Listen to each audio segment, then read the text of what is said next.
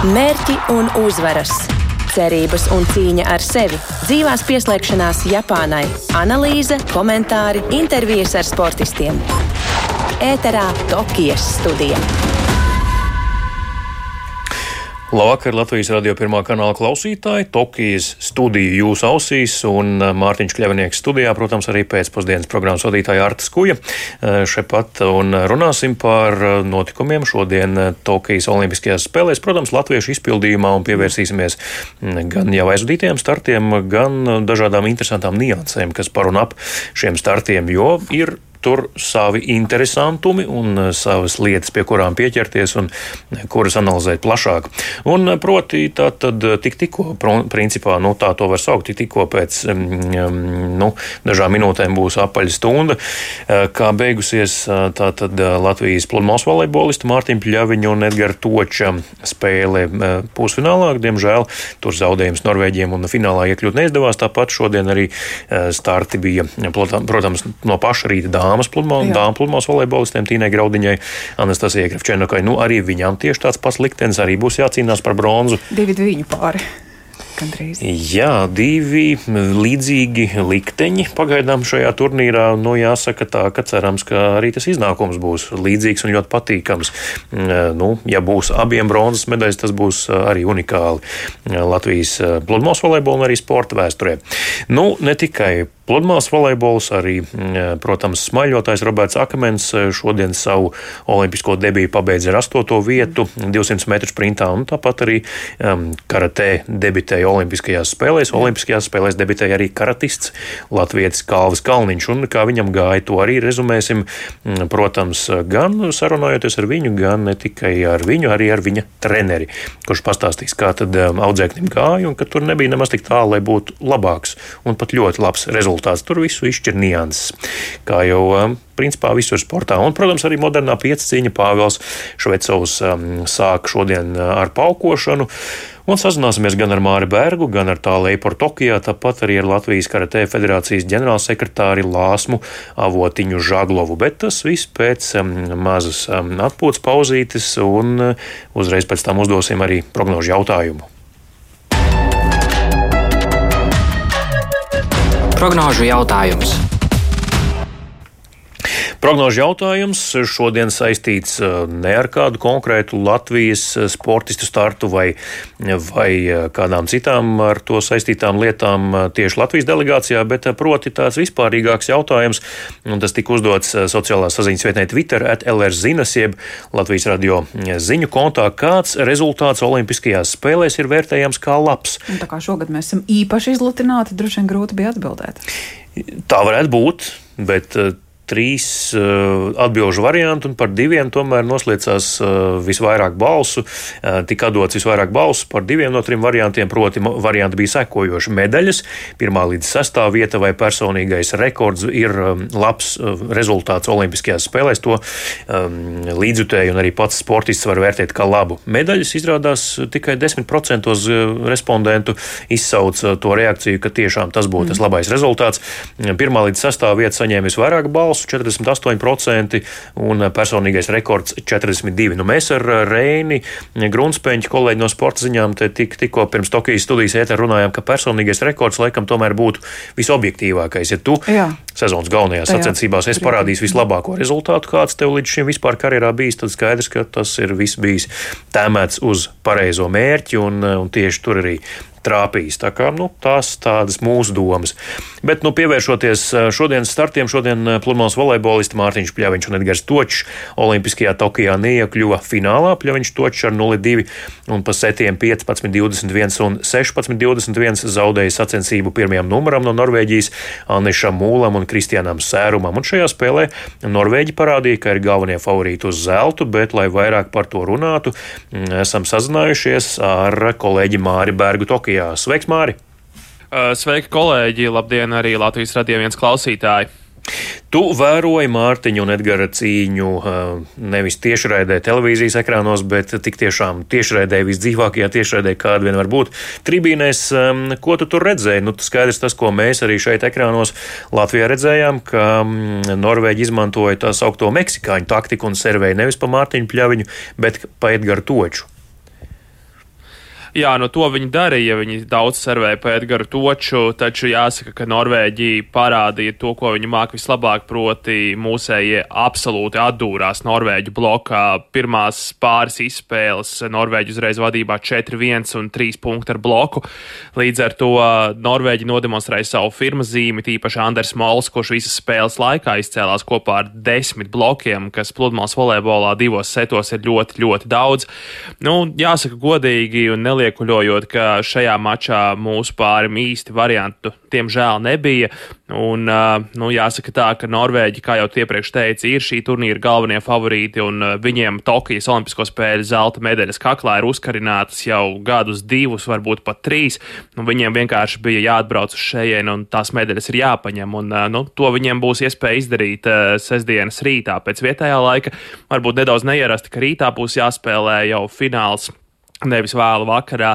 No tur viņiem būs cīņa ar Stojanovski Krasieļņikovu, kuras Mārtiņam Pļaviņam izdevās apspēlēt kopā ar Edgars Toču, bet nu, par finālu tad jau redzēsim vēl pēc bronzas spēlēm. Jā, par uh, Norvēģu bloku tu jau pieminēji. Nu, likās uh, brīžiem, ka mola rokas ir tik tiešām garas kā mols, kā liepais mols vai kāds cits uh, mols Latvijā. Nu, sniedzās visur un nobloķēja pilnīgi visu. Um, bija jāuztver tā nianses, ka drusciņi tālāk no tīkla jāceļ piespēle otrā. Ja? Tad jau drusciņi labāk aizgāja mūsējiem. Jā, no to mūsēji arī paši atzina pēcspēles intervijā, ka pārtraukumā starp sētiem tika mēģināts mainīt nedaudz šo spēles veidu vai uzbrukuma veidu un celt bumbas tālāk prom no tīkla. Un tā vispār ir abiem pāriem turnīra laikā problēma bijusi, ka otrās piespēles tiek uzceltas pārāk tuvu tīklam, un tad beig beigās tam, kurš uzbruk, vairs īsti nav kur likties, un ja pretī pretinieks precīzi noliek bloku, kā tas bija arī šajā gadījumā, kur Mols precīzi noliek rokas, tad tur bumbu dabū atpakaļ uzreiz sev pa galvu, kā tas arī notiek šajās spēlēs. Jā, Mārtiņam Pļaviņam, Edgaram Točam tā tad uh, spēle par bronzas medaļām um, pēc, uh, nu, pēc Latvijas laika šobrīd jau pēc divām dienām, nevis rīt, bet parīt četros no rīta pēc Latvijas laika. Um, bet uh, tagad paklausīsimies, ko viņi paši teica pēc šodienas zaudējuma Norvēģiem. Viņi uzspieda savu spēli, reāli mēģinājām atpiet bloku. Viņi ļoti labi uzsverēja, līdz ar to apgrūtināja gan uzņemšanu, gan cēlienu. Kamēr pārslēdzāmies uz uh, to, kā viņi spēlēja blokā, praktiski pagāja pirmais sets. Reāli visu laiku pirmie uzbrukumi atdūriens blokā, atdūriens blokā vai spiešanās. Otrajā setā jau kaut ko ar noņemšanos jau bija ok, bet servi parādījās ļoti spēcīgi un līdz ar to arī viņi paceļ aizsardzībā, viņi atcīt. Mēs paceļam aizsardzībā mēs iestam blokā vai iestam atkal aizsardzībā viņa. Kā, nu. Viņi ļoti labi nospēlēja, un tas arī viss nu, parādīja savu favorītu statusu. Mēs nospēlējām viduvēju. Nu. Viņi bija vienā brīdī bedrē kaut kad, bet nu, pēc pēdējām spēlēm, ko viņi aizveda, nu, neizstāsta. Es nezinu, ko, ko domāt. Jāmēģina, jāmēģina aizmirst šo spēli. Un, un jāgatavojas nākamajai. Protams, viegli nebūs aizmirst. Nu, gribējās nospēlēt labāk. Tur katram savam sev jānospēlē. Es Nevar, tas ir viens cilvēks, tur ir mols pasaulē, kas var nospēlēt par otru cilvēku. Vēl. Tas arī ir viss pārējiem, katram par sevi. Ja tu vari nospēlēt, tad tu nospēlē, tu nevari, tad nevari. Un tas mols varētu būt vienīgais cilvēks, kas var nospēlēt pa pusotru cilvēku un parādīt, parādīt rezultātu. Kā tas arī nu, praktiski bija šodien. Es domāju, ka tāpēc viņš ir pasaulē labākais. Tokijas studija. Dzirdējām Mārtiņu Pļaviņu, tik tikko, un pirms tam arī Edgars Točs runāja un stāstīja savas domas par šodienas zaudējumu Norvēģiem. Māri izklausās, ka Mārtiņam Pļaviņam nu, tās emocijas degvielas bakā sāk beigties. Kā tu domā, vai pietiks pret katariešiem cīņā par bronzu? Es domāju, ka pietiks. Es domāju, ka Mārtiņš atradīs šīs emocijas. Abi puiši noteikti ļoti vēlas izcīnīt arī šo bronzas medaļu. Protams, ir kaut kāda vilšanās uzreiz pēc spēles šajās intervijās, ka tomēr ir piedzīvots zaudējums pusfinālā. Tas ir pilnīgi saprotams. Un kamēr dzirdējām Edgars Toču, ja, kamēr Edgars runāja, tikmēr Mārtiņš tā ļoti nu, bēd, sabēdājies izskatījās, gaidot, kamēr viņš tiks pie vārda. Bet es domāju, ka ir laiks, lai atgūtos, lai uzlādētu uzlādēt mazliet emocijas. Arī Genādijs Samoilovs noteikti pateiks kādu uzrunu abu, ko, abu spēlētāju treneris. Līdz ar to uh, spēki atradīsies gan fiziski, gan emocionāli šai vienai pēdējai spēlē Tokijā viņiem. Nu, Genādijs, jeb Gena, kā viņu sauc pludmales volejbola vidē, proti pateikt stingras uzrunas gan verbāli, gan ar čību, kā sakot, arī pateikt pēdiņās skarbu vārdu. Ir stāstījis viņa dēls Mihails Moilovs, kā, kā kādreiz tika trenēts ar čību pausīm, ja neklausīja vai nekā kas neizdevās. Un, un tā. Gan jau, ka citi citu pazīst un zina, uz kurām pogām jānospiež. Droši vien, jā. Paldies, Mārija. Mārs Bergs sarunā ar Latvijas radio pirmā kanāla Tokijas studiju bija tieši redzē šeit un pastāstīja par to, ko šodien redzēja Pludmales volejbola stadionā. Tātad Mārtiņam Pļaviņam, Edgaram Točam jau sestdien no rīta četros pēc Latvijas laika cīņa pret katariešiem par bronzu olimpiādē un tieši tāda pati cīņa, bet jau rīt četros no rīta pret šveicietēm arī Tīnai Graudiņai, Anastasijai Kravčenokai. Redzēsim, kuram pārim izdosies izcīnīt bronzu. Mēs mēs, protams, turam īkšķus, lai tas izdotos abiem. Bet mēs um, straujiem soļiem turpinām, un uh, šodien vēl viens starts latviešiem uh, Olimpiskajā Tokijā, un uh, sākās modernās pieciņas sacensības. Kā zināms, Arta, tur mums ir arī olimpiski panākumi. 2004. gads, Jeļena Rubļevska sudraba medaļa, un joprojām, starp citu, paukošanas rekords joprojām mm -hmm. turās un nav pārspēts dāmām tieši Jeļenis uzstādītais, um, sasniegtais, precīzāk, paukošanas rekords modernajā piesciņā, tā kā kādai no um, modernās piesciņas pārstāvēm jāmēģina tas vismaz Tokijā tagad pārspēt. Nu, nezinu, vai izdosies. Bet mēs skatāmies uz pārstāvjiem uz pārstāvi vīru konkurencē, jā, un vīriešu dzimtē uz pārstāvjiem, jo Latvijas pārstāvis vienīgais modernajā pieciņā Pāvils Švecovs šodien sāk ar septīto vietu paukošanā, kas ir ļoti labs rezultāts. Viņam 22 uzvarētas cīņas no kopumā 35, un tas ir ļoti labs rezultāts. Un jāsaka tā, ka nu, viņš pats arī bija pietiekami atbrīvots pēc šī starta, un to mēs varam arī paklausīties intervijā. Pagaidām tagad neko nav iespējas pateikt kaut ko vispār. Jā, tālāk ir peldēšana, zirgs, protams. Tālāk visi mēs izdarījām tagad galveno darbu. Tālāk ejam peldam, tad runājam par zirgu un tad tikai runājam par skriešanu ar šaušanu. Jo, kā visi mums zina, zirgs var iedot tādus punktus, ka mēs nevaram konkurēt ar citiem. Vai, vai uz citu pusi, uz labāko? Es ceru, ka viņš pacelties, jā, pēc punktiem, jā, pacelties. Jā. Es ceru. Nu, tas nav bijis ļoti svarīgi, bet vienalga, jā, es gribu pacelties. Protams, parādīšu labāko, uz ko esmu spējīgs. Psiholoģiski nebija tāds uztraukums, tāpēc ka mums šeit ir visi tie labākie, jā, mēs ar visiem visu laiku konkurējam, katras sacensības, visi un tie paši. Mēs jau viens otru zinām, tāpēc septiņas reizes gadā mēs tiekamies. Nu, var dzirdēt, ka Pāvils ir ļoti labā noskaņojumā jā, šīs intervijas laikā, un tas priecē. Tas nozīmē, ka viņš gan prot atbrīvot prātu, gan koncentrēties tajās situācijās, kad tas ir jādara, ko pierādīja paukošana. Tātad septītais viņš ir pēc paukošanas, tātad vēl četras disciplīnas, kuras tātad notiks sestdien, un tur gan jāšana, gan peldēšana, gan, protams, arī šaušana un skriešana. Nu, tad redzēsim, kāds tas būs tas summārais rezultāts. Arī Pāvils Švecovs ir olimpiskos spēļu debitāns tādu mums šajā te konkrētajā Latvijas delegācijas modelī ir ļoti daudz, un prieks, ka daudz no viņiem arī prot sasniegt vai nu savus personīgos rekordus, augstvērtīgus rezultātus vai pat medaļas, kā piemēram 3 pret 3 basketbola komanda. Bet um, dodamies tālāk Tokijas studijā un uh, turpinām ar vēl vienu debitantu. Jā gan sporta veidu izteiksmē, gan arī um, sportista izteiksmē. Karatē debitē Olimpiskajās spēlēs, un Kalvis Kalniņš Latvijas arī debitē Olimpijādē. Arta, ko tu zini par karatē? Uh, dažus uh, bērnu pantiņus, skaitām pantiņus, un Jā. to, ka, ka Tokijai bija tiesības izvēlēties. Viņi izvēlējās karatē. Pilnīgi pareizi. Arī man, man bērnībā viena no mīļākajām lasām vielām bija burbuļmātes skaitām panti, un tur tiešām tas tiešām par to karatē un miskas ir iekšā tas pantiņš, kas mums visiem droši vien galvā joprojām skan un dzīvo. Un uh, pareizi arī otrs uh, fakts, jā, Japāņiem bija izvēles iespējas, viņi izvēlējās savu sporta veidu, kas dzims Japānā karatē, un mm, šis te Nippon Budokan uh, mm. templis, kur karatē cīņas notiek, tas tiešām ir ļoti, nu, tāds gan vēsturisks, gan arī arhitektuāli ļoti ļoti skaists un, un acīm baudāms, un arī tika izmantots 1964. gadā Tokijas Olimpiskajās spēlēs. Tur gan judo notika, bet uh, Tas arī tātad ar vēsturi ienāk uzreiz um, karatē šajā sporta veida vidē, bet, nu, uh, kā Kalvim Kalniņam veicās, tad rezumējot, uh, viņš nesasniedz Olimpisko spēļu uh, pusfinālu, bet četrās cīņās tika pie vienas uzvaras, tātad viena uzvara Olimpiskajā debijā, tas arī pietiekami labs rezultāts. Te gan jāpiemina, ka ikdienā viņš startē svara kategorijā līdz 60 kg, bet bija drusku lielāka svara kategorija līdz 67, un tas tomēr viņam arī bija problemātisks pielāgoties lielākiem lielākiem, garākiem, spēcīgākiem pretiniekiem. Ehm, jā, vispirms eh, tā tad eh, pa rezultātiem izjot cauri pēdējā duelī.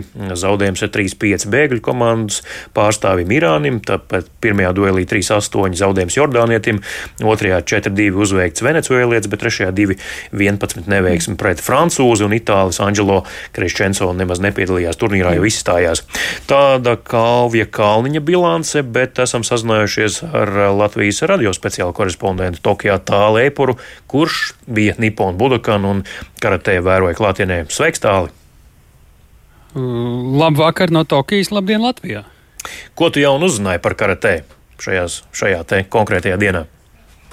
Nu, pirmkārt, ļoti interesanti sajūta ir atrasties klātienē, šādā vietā, kā tu jau aprakstīji. Tā ir karate un judo meka pasaulē, ne tikai Japānā, jo šie abi sporta veidi nāk no Japānas. Nu, nu, otrs ir skatīties šīs cīņas klātienē. Tās ir ar īpašu skaņu, ar tādiem bļāvieniem vai kliedzieniem, kā lai tos nosauc, kuriem, nu, kuri nav, nu, tāpat vien, tiem ir jābūt šīs spēles laukumā. Tas ir tas pirmais iespējas, ko tu pamani vispār ienākot šajā arēnā, kur jau tajā brīdī, kad es ienācu, eh, cīņas bija sākušās, pirmo cīņus eh, mūsējiem neredzēju. Nu, eh, tas ir tas pats pirmais. Nu, tālāk jau tur, protams, ka ir niansīts par to, kā drīkst sist, spērt, mest. Tur nedrīkst šis sitiens būt nu, kaut kādā ziņā līdz galam, nedrīkst savainot pretinieku. Tādi ir šie olimpiskie un arī ne tikai olimpiskie karatē noteikumi. Tur ir bieži bieži vien situācijas, ka tu veic paņēmienu eh, trāpi pretiniekam, un tad tiek domāts, vai tas ir sots, un, eh, vai tev ir punkti. kam, kam dot punktus par šo sitienu, lai arī izskatās no malas. Uzvarētājs ir tas sitējs. Nu, piemēram, ja, tāds. Tā kā tev pašam gāja ar noteikumiem, jo nu, Latvijas pusē, cik es saprotu, arī televīzijas komentētājiem nemaz tik viegli nebija, lai to visu saprastu, izskaidrotu skatītājiem, kā tev pašam bija, lai tu pēc tam varētu uzdot kompetenci jautājumus arī Kalvim. Nē, nu, jo mazāk es zinu, jo vairāk ko jautāt. Tas jau ir žurnālisti zelta likums. Bet, jā. Jā, bet, nu, piemēram, situācija, kad mēs redzam, ka kalvis tā kā nogāž pretinieku, vai ne, un jau atvēzējis tūlīt jau ir gatavi parāda, ka var izdarīt sitienu, nu, tas īstenībā nevajag varbūt pat līdz galam šajā brīdī, tas tā, tas tā arī princips, bet izrādās, ka pirms tam pretinieks ir izdarījis precīzu paņēmienu, un uh, punkts jau viņam ir ieskaitīts, un tas, ko dara otrs sportists šajā brīdī, ir pateikt tikai sekas, ko viņš būtu darījis, ja nebūtu dabūjis pa mici jau pirms tam. nu, līdz ar to izskatās, ka viens ir pārāks, bet patiesībā otrs jau pirms tam ir bijis izmanīgāks. Un Kalvim varbūt tieši šo apsteigšanu, ka otrs veids kaut kādu manevru un izdarīt kaut ko pirmajam, varbūt arī nu, tā, tā bija viena no lietām, ko viņš teica, kas, kas varbūt nu, tā neizdevās šoreiz vienmēr tā kā gribētos. Lai arī viņš ir ātrs, kā mazie karatisti, viņi ir īpaši ātri. Uh, Tā mums bija arī šeit, eh, pat eh, Doma laukumā, kopā ar Reini Grunsteņķi, skatoties no rīta kāvi cīņas, kā arī bija. Nu, reizēm tā sajūta, ka jālec gaisā, jāaplaudē, varbūt ļoti labs paņēmiens, būs punkti. Punktu nav. Kāpēc nav punktu? Nu, tāpēc, ka tieši, tieši tāpēc tālāk, jā, kā tu tikko izskaidroji. Paklausīsimies, ko um, sarunā ar tālī sacīja Kalvas Kalniņš pēc savas olimpiskās debijas. Šeit ir ļoti svarīgi, kurš pirmais kā, trāpa, un arī ļoti daudz kritēriju ir, lai punktu dabūtu. Un man pievīla varbūt dažas reizes, ka mazliet nogulēju to sākumu. Pēdējā izšķirošajā cīņā par augsto vietu, nu, mazliet pa stipru es iesitu varbūt divas reizes. Ko drusku vājāk, bet es tiešām no visas sirds situ, un mazliet vajadzēja tomēr nokontrolēt tos sitienus. Pats arī izlaidu to uzvaru, ja godīgi. Vis, divas cīņas biju vadībā, bet nu, aizsardzība šo šoreiz pievīla mani. Bet, nu, kad es ielaižu punktus, es tiešām palieku varbūt mazliet agresīvu, jo es ļoti, ļoti gribu ātri atspēlēties. Man nepatīk iedzinējos būt. Fiziski es labi jā, jūtos, varētu pat vēl aizvadīt kādu cīņu, arī būtu gatavs pusfinālam un cīņai pa medaļu tālāk. Tiesneši šoreiz ļoti labi tiesāja. Objektīvi, jā, viss bija ar tiesāšanu kārtībā. Pats vainīgs, cik reizes kļūdījos, nebiju uzmanīgs uz to aizsardzību. Startēšu nu, tālāk savos tajos 60 kg, kur ir mana auguma, mana izmēra. Šeit tomēr bija visi mīnus 67, bija jūtami nu, garāki. Jā, šī vieta ir ļoti, ļoti iespaidīga un šeit arī. Nu, var teikt, visas, visas galvenās cīņas arī notiek pasaulē. Jā, ne tikai karatē, bet arī judo. No Japānas arī nāk tas karatē. Šeit tieši debija bija ļoti, ļoti vērtīga pieredze man uz visu mūžu. Karatists Klaus Kalniņš aizvadījis savu olimpisko debiju, pusfinālu gan nesasniedza, bet uzvarēja vienā no četrām cīņām, kas arī labs rezultāts. Tāls epurs joprojām arī Tokijas studijas etrā tālī. Nipon Budokan tu jau pastāstīja arī drusciņa, kā to vēstures auru šajā celtnē var just, cik tā celtne, kura arī pirmajās Tokijas spēlēs tika likta lietā un, un tur notika judo cīņas, cik tā ir ērti varbūt žurnālistam pārvietoties un pēc tam um, nu, darīt nu, savu darbu. Patiesībā iekšpusē tā ir moderna celtne. To, ja tu nezini šo vēsturi, nerodas sajūta, ka tur ir kaut kas īpaši sens vai tam līdzīgi. Tā kā ar to, ar to viss mierīgi. Bet ko es pa kalvi gribēju pateikt, nu, ka jūs dzirdējāt to viņa no visas sirds, un to tiešām varēja redzēt. Nu, viņš nu, ir tāds īsts uh, emociju cīnītājs, lai arī nu, tur tajā laukumā tur emocijas it kā nevar redzēt, bet uh, tad, kad viņš intervijās stāsta, tad to var redzēt. Un kas man vien, visu laiku simpatizējis, uh, cik es pāris reižu gan esmu tikai viņa intervējis un šo to paskatījies, palasījis, nu, viņš ir ļoti rūpīgs un centīgs. Un, un, tāpēc man liekas, ka nu, varbūt viņš dažreiz pārspīlē, kā viņš teica, nu, pat tur cīņas laukumā, bet ir ļoti patīkami, ka kāds ar tādu deksmi dodas tajā visā iekšā un, un, un deg par to savu lietu. Līdz ar to nu, tāda, tāda mazā medaļa no Latvijas radio viņam pavisam noteikti. Paldies, tālu tāls epurs no Tokijas. Um, arī pieslēdzās um, šeit Doma laukuma studijai uh, Tokijas studijā. Rezumējām Kāvi Kalniņa uh, startu olimpiskajā debijā, gan viņa olimpiskajā debijā, gan arī karatē kā sporta veidu olimpiskajā debijā. Bet uh, turpinot Tokijas studiju, esam sazinājušies ar Latvijas karatē federācijas ģenerālsekretāru Lāsmu Avotiņu Žaglovu. Sveiki! Labdien! Eh, jūs arī mūs jau kādu brīdiņu klausījāties, eh, un eh, kā tad tur īsti ir? Karatē no malas tādam skatītājam un sporta līdzutējiem, nu, kā es pārliecinājos, ir ļoti grūti ielēkt un saprast nianses un, un par ko tur priecāties un kur varbūt kurās niansēs bēdāties par Latvijas pārstāvju, varbūt netik labo izpildīto paņēmienu vai neiegūto punktu. Cik sarežģīts ir karatē tādam vienkāršam skatītājam? Nu, jāatzīst, ka jums visiem var piekrist, uh, ka karatē nav viegli saprast. Un uh, gribu arī piebilst to, ka pat cilvēkiem, kas visu dzīvi ir karatē, dažreiz šķiet, ka nu, ir jālec augšā, ir punkts, bet hmm. varbūt no viena rakursa izskatījās, bet tas sitiens ir bijis mazliet pa labi vai pa kreisi, ko kā tiesneši ir redzējuši no citiem rakursiem, un punkts tur nemaz nav bijis. Uh, bet uh, jo vairāk skatīties, jo vairāk sekot līdzi, jo vairāk sāk saprast. Un es gribētu teikt, ka tik daudz jautājumu no, no paziņām, draugiem, kā šodien par karatē. Es nebiju līdz šim dzirdējis, man tiešām ir ļoti, ļoti liels prieks, ka cilvēki tiešām interesējas, cenšas saprast. Nevis vienkārši ieslēdz, es neko nesapratu, bet klau, kāpēc bija tā, citādi vai vēl kaut kā. Un man bija tiešām visiem, visiem kas ir karatē, Latvijas karatē pasaulē iesaistīti, bija ļoti liels prieks par to, ka bija tik liela interese. Ko varat sacīt par Kāvja paveikto vienu uzvaru? Laikam Olimpiskajā debijā tas ir ļoti pozitīvi. Pats viņš nebija īsti apmierināts, sacīja, ka vajadzēja vairāk pacietības un vairāk uzmanības. Kā jūs vērtējat viņa paveikto? Protams, ka sportistam vienmēr liekas, ka viņš var labāk. Arī tad, ja viņam būtu zelts, viņš teiks, ka varēja vēl labāk. Bet uh, Mēs ļoti, ļoti lepojamies ar Kalvu, jo mēs zinām, cik daudz darba, cik daudz laika ir ielikts tajā, lai viņš nonāktu līdz turienei, lai viņš varētu cīnīties un lai viņš varētu parādīt visu, uz ko viņš tajā brīdī ir spējīgs. Un mēs patiešām zinām, ka viņš darīja visu, ko viņš tajā brīdī varēja. Viņš ir liels malacis, Kalvi, mēs ar tevi lepojamies. Jā, nu, cerams, ka Kāvas noklausīsies Tokijas studiju vai nu kādā no raidierakstu klausīšanās vietnēm, vai nu Latvijas radio mājaslapas arhīvā, vai, kas zina, varbūt Tokijā šobrīd klausās internetu tiešraidī, kā cerams, ka šie jūsu vārdi arī viņu sasniegs. Mm, es te tādu literāru atkāpi gribēju pieminēt saistībā ar karatē, jo, piemēram, Arta, tu droši vien esi dzirdējis par, par Alfrēda dziļuma romānu Vienas vasaras zieds, vai ne? Jā.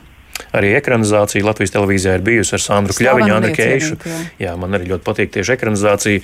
Um, bet, uh, Uz karatē arī var attiecināt šo te, nu, teiksim, tā, uh, raksturojumu vienas vasaras zieds, jo šajās Olimpiskajās spēlēs Ir. ir, bija, nākamajās visticamāk vairs nebūs. Nu, kaut kādi ceļi vēl ir, lai būtu, bet visticamāk vairs nebūs. Um, Lāsma, kas jums sakāms? Uh, nu, karatē sev parādīja no labākās puses, lai tomēr vēl censtos saglabāt pozīcijas Olimpiskajā saimē.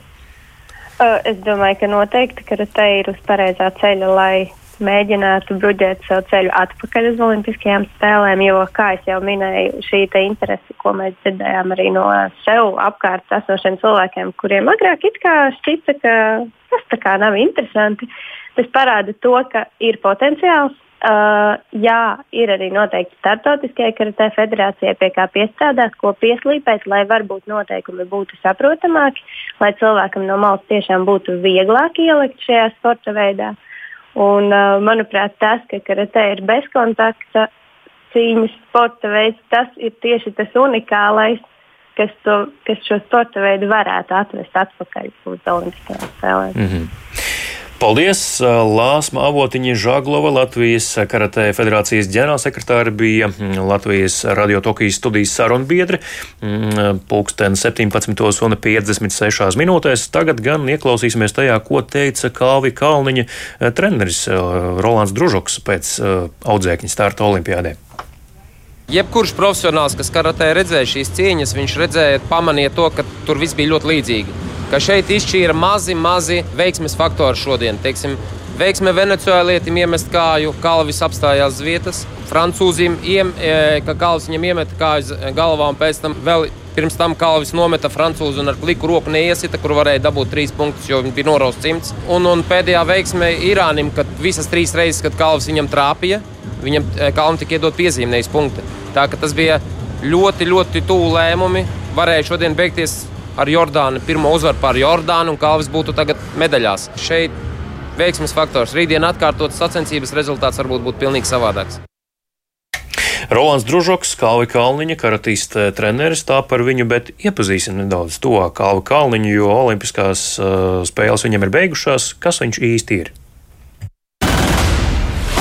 Sportista vizītkarte. Karatists Kalvis Kalniņš, uzzinādams, ka tieši karatē dzimtenē Japānā šis sporta veids debitēs Olimpiskajās spēlēs, ieguldīja milzīgu darbu treniņos un izdarīja visu maksimālo, lai kvalificētos šim notikumam. Šogad Eiropas čempionātā Kalniņš izcīnīja jau savu otro sudraba medaļu, bet pirms četriem gadiem kļuva arī par kontinenta labāko karatistu savā svara kategorijā.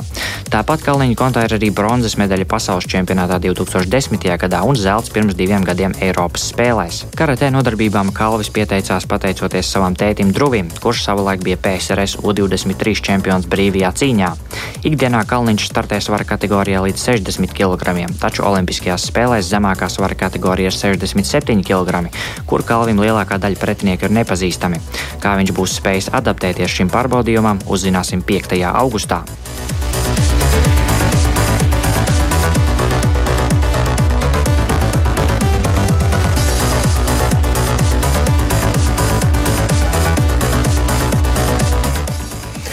Reins Grunspeņķis, tāds viņa stāsts par karatistu Kalvu Kalniņu, kurš debitēja Olimpiskajās spēlēs tieši šodien. Tā tad nesasniedza pusfinālu, bet vienu uzvaru izcīnīja četrās cīņās, un, kā jau dzirdējām raidījumā, tad visticamāk raisīja daudz lielāku intereses vilni par karatē kā olimpisko un profesionālu sporta veidu. Tā, par to arī prieks. Līdz ar to arī noslēdzas šī Tokijas studija. To vadīju es Mārtiņš Kļavinieks, man palīdzēja arī pēcpusdienas programmas vadītāja Arta Skuja. Un, um, protams, nekas nemainās rīt no rīta, pulksten 8.5. šeit Latvijas radio viens nākamā Tokijas studija, tāpat arī pulksten pussešos rītdien. Uh, un tur jau mm, visticamāk varēsim Es ļoti ceru, ka varēsim sveikt uh, Latvijas pludmales volejbolistas Tīnu Graudiņu un Anastasiju Kravčēnu ar bronzas medaļu rīt no rīta pludmales volejbolā. To redzēsim un uh, arī nu, pēc tam klausīsimies. Bet uh, atcerieties, ka Tokijas studiju varat meklēt arī visās sev ērtajās mm, podkāstu jeb raidierakstu klausīšanās vietnēs. Tas man šodien viss.